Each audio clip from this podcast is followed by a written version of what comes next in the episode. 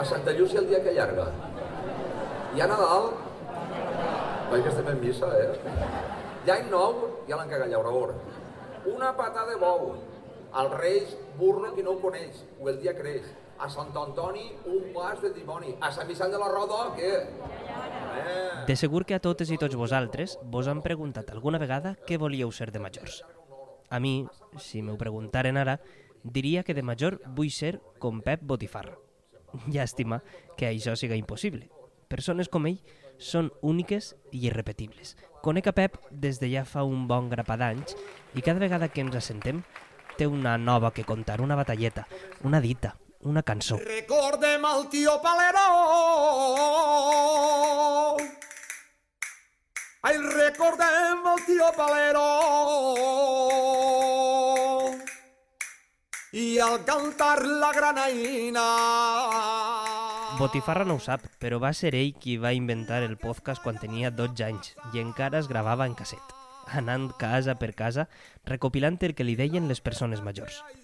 I ho feia sense cap altra pretensió que demostrar al públic que anava a veure al grup Sarau de Xàtiva la nostra cultura, les nostres arrels, la nostra música.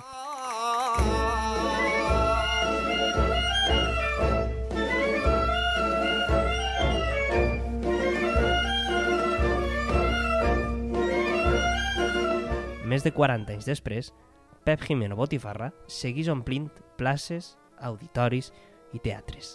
Avui, a Fent l'agost de 310, la Botifarra retorna. Soc Jordi Company i avui viatgem al poble de Guadassuar, a la Ribera Alta.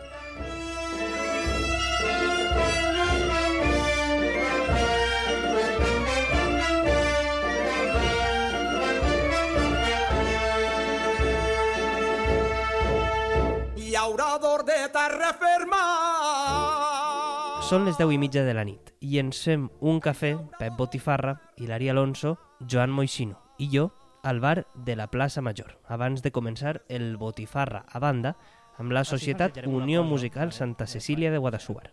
Pep ha arribat, com sempre, amb roba negra, sabates de mudar per al concert i el seu sarró a l'esquena. Què portes en el sarró? Què porten el sarró? Pues els instruments que diu la tia Rosario, pues la canya badà, el pandero, el mirès, el morter, diguem en castellà, eh, les postisses, jo què sé, ahir porta de tota classe llanda i porcelana. M'agrada molt la persuasió. Jo no sé tocar-la, però bueno, ajuda, faig una caguera, però bé.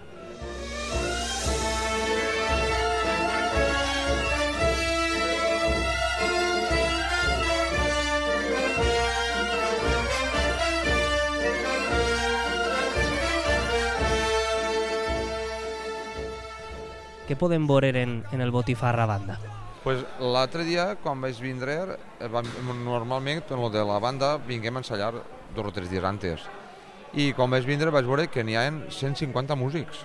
I molt bé, però bueno, en respecte a lo, de la, lo del Botifarra banda, pues, eh, jo què sé, si em posi a, a comptar-te potser no acabem, però va ser un projecte que van començar fa 5 anys ara, jo, quan era jovenet, me'n recorde, quan era... Ara sóc Pepe Botifarra, en aquell entonces era Pepe Merda, quan era Pepe Merda, pues me recorde que tinc un amic que li diuen Julio Juan, que eren companys d'escola, i me va dir, Pepe, tinc que fer un arranjament... Això que estic parlant jo, el meu Pepe encara no havia nascut, ni tu tampoc. Farà pues, 28 o 30 anys, no me'n recordo. Diu, tinc que fer un arranjament del 12 lluit de canals, perquè el cantes. I me recordo que el vam estrenar en Sant Francesc, que encara feien coses, parla de Xàtiva, en Sant Francesc, i, eh, i la veritat és que em va impactar molt, perquè jo, la veritat és que en banda no havia fet mai res. Jo vinc de una rondalla tradicional, vinc del cant tradicional i això, i bueno, quan ho vaig sentir en banda vaig dir, fotre, això, això té molt de cos.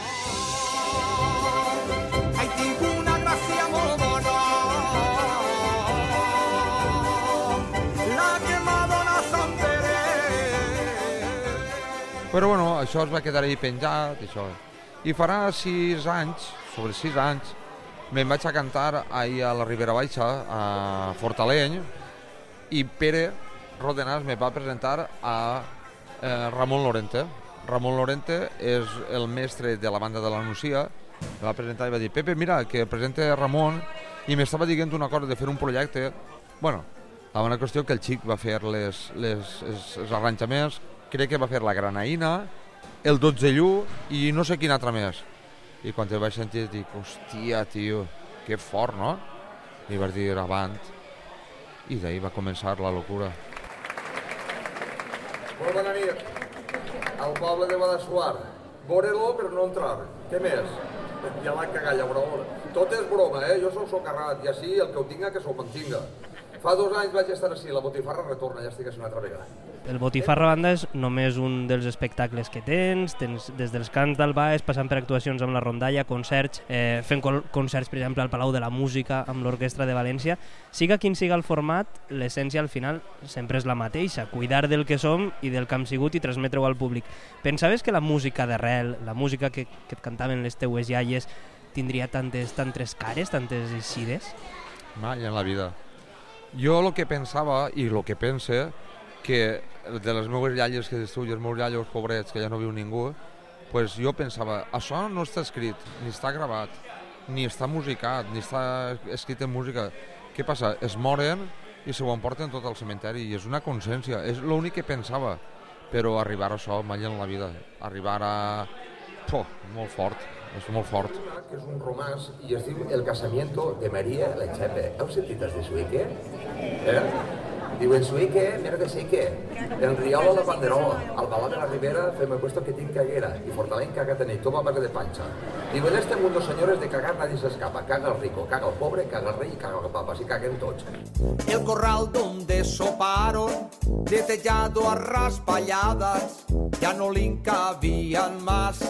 La elegante que paraba, con tanta iluminaciones que de una cuerda penchaban. Compuestas de pimentones que de un alza se aguantaban.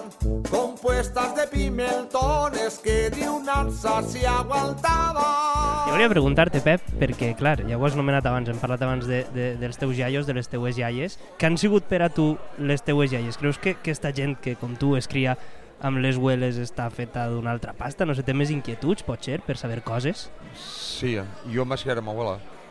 Jo tenia mare i pare, el que passa que en aquell entorn espanyol xicotet s'estilaven a, s'estilaven a ser a viure als pisos i es deixaven les cases deixades. I, claro, jo me'n recordo que tenia pues, la edat de, de 7 o 8 anys i a lo millor no li mirava l'encant no? que, que tenien ells. Quan vaig complir 14 o 15 anys, entonces vaig, dir, hòstia, això s'ha de gravar. I, jo tinc gravacions de 12 anys, quan tenia 12 anys, l'any 72 vaig fer una gravació al Tio Palero. Vaig gravar que va vindre a la... A la ja t'ho diré, el que és avui Sant Domènec, que és el Gran Teatre, i, i ma mare me'n recorda que em marmolava i deia, este xiquet, és tu, quina... El meu era obsessiu. De... Jo tinc gravats a les meves veles, a ma mare, a mon pare, a tots. Perquè en ma casa, per sort, eh, la valenciania l'hem respirat de cap, de cap a peus, encara que altres diguen el contrari però jo me sent molt valencià. 12-13 anys tindries, 12-13 anys tindries quan, quan començares a tocar les, les portes de veïnes del poble de Xàtiva i també d'altres pobles de la costera per a que et contaren coses. Tens una fonoteca que allò és patrimoni de la humanitat i això ja ho sabem. Què senties quan una dona o un home t'obria la porta i et contava aquelles coses? Pues jo ara ho pense i jo dic, en aquell entonces pensaria la gent, és normal este de veres, el miraven com un ser raro Saps per què m'ha donat compte? No, això jo perquè parla així, no, no, jo crec que no ho pensaria, no, o sí, no ho sé. Quan van fer el Cant dels Arrels, l'Albert Montó me va dir, Pepe, han d'anar a les mateixes cases que vas anar tu, però, claro, aquella gent ja s'havia mort. Tia Mileta, eh, jo què sé, el tio Adrià, eh, la abuela Rosario, tota aquella gent s'havia mort. Van conèixer els fills, els nets, que jo ja els coneixia, no? I veure donar-te les gràcies a aquella gent. En aquell entorn no te donava les gràcies, tu anaves, gravaves i a la mar... De... Però jo sé com eh, per mi, per mi és un plaer, per mi és un plaer. Igual que ara estic digitalitzant tot, jo no, està Ramon, Juanra està digitalitzant tot perquè tinc, jo que sé, més de 200 cintes, perquè jo gravava en cinta, hasta no fa molt que gravava en cinta, i, eh, i vull el dia que heu, heu, heu, heu eh, catalog, catalogar-ho, m'agradaria a cada persona donar-li, clar que sí, perquè això no és meu, això és d'ells i del poble, i ja està, ni més ni menys. M'encantaria que ho tingueren.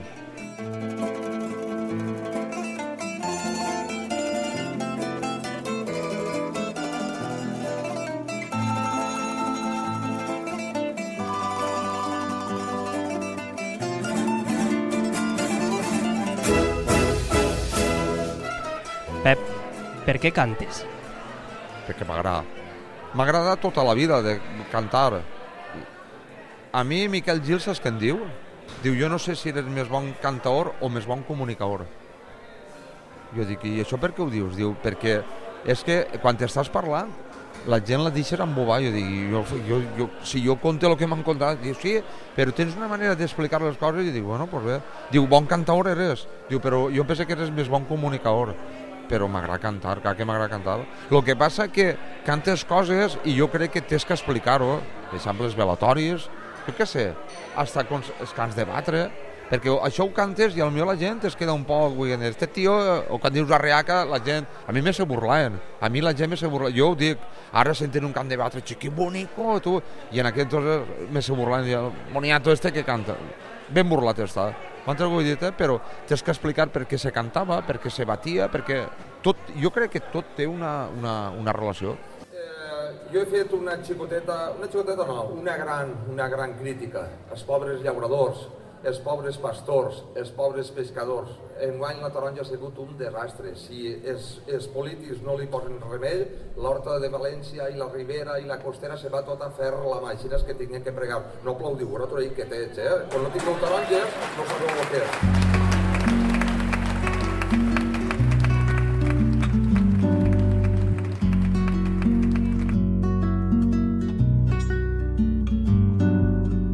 Valencians les valencianes seguim cantant per fer festa, Pep, d'una manera o d'una altra. Sens dubte, també ha hagut en els últims anys un auge pel que respecte al cant de tota la vida, el que tu fas. El futur del cant del poble està assegurat? Com ho veu, Pep? Pues, si me ho hagués preguntat fa, a lo millor, eh, més anys que tens tu, t'hauria dit, està, però jo crec que sí. N'hi ha gent jove, n'hi ha gent, n'hi ha gent que, que, que està sobre el tema, però jo crec que sí. Home, sempre pegant sangolejades perquè la nostra llengua, per desgràcia, pues, ja ho saps el que passa, no? La llengua i la manera de cantar, però jo crec que sí, jo crec que això va, això va de bo. Anem a fer una promesa. Feia 4 anys que tu i jo no mos posàvem davant d'un micròfon. D'ací 4 anys, d'ací 4 anys quedarem en Cacuesa, eh? I, i, en, i farem un, una reflexió sobre el que ha sigut l'entrevista d'avui, que per cert, ara que dic, ara que dic Cacuesa, com, com van les reformes, Pep? Bé, eh? allí estem, pues això, llevant escombros, picant parets, perquè la casa estava, estava en ruïnes. És una casa del segle XIV, ja s'anomena, el segle XV ja, se, ja, ja s'anomena perquè era, es deia la casa d'Espròxita, eren els primers pobladors. Això m'ho va explicar eh, Agustí Ventura, que és el cronista de Xàtiva, el pare de Feliu, i, bueno, i la veritat és que té una història molt bonica, una història xulíssima. La tia Dolores, que era una dona que vivia allí, que li faltava mitja orella perquè treballava en un circo, i li, li va tallar un mos la mona. I jo quan era xicotet, jo passava per allí perquè mon anem a la Junta dels dos rius, ens ajunten l'Albaida i el Canyoles, o el riu de Montesa, i me recorde que, que jo passava per allí i ma mare li preguntava, mare, qui viu a la casa juesa? Pues ma mare m'ho contava, la tia Dolores i el tio Fèlix, i eren uns personatges. És que és una història, jo què sé, jo dic, que coses, no? Que, que, i que la gent, pues, que eh, allí, allò pues, que siga el Camino Santiago, allí venen, hasta de Barcelona han vingut a veure la casa, però si, si no hi ha res, només que n'hi ha que runa. Bueno, si poden anar a fer faena, si volen, també, escolta. Home, claro, però no, no, home, no, fer faena, res. Pep, gràcies i mos vegem pronte. Un plaer. Mira si he corregut a res que he estat en el Farraser. El concert d'avui ha plenat la plaça Major de Guadassuar. Centenars de persones acaben de sopar al carrer mentre Botifarra ens canta les cançons amb les que ha crescut i amb les que hem crescut i ens hem fet grans i forts, les valencianes i valencians. Fer-ho, com no, amb la banda de música del poble, encara té un simbolisme molt més gran. La música que s'ha cantat als carrers, als bancals i als almacens de taronja ara la canta un públic entregat a la figura d'un home que ens ha fet, sens dubte, millors persones.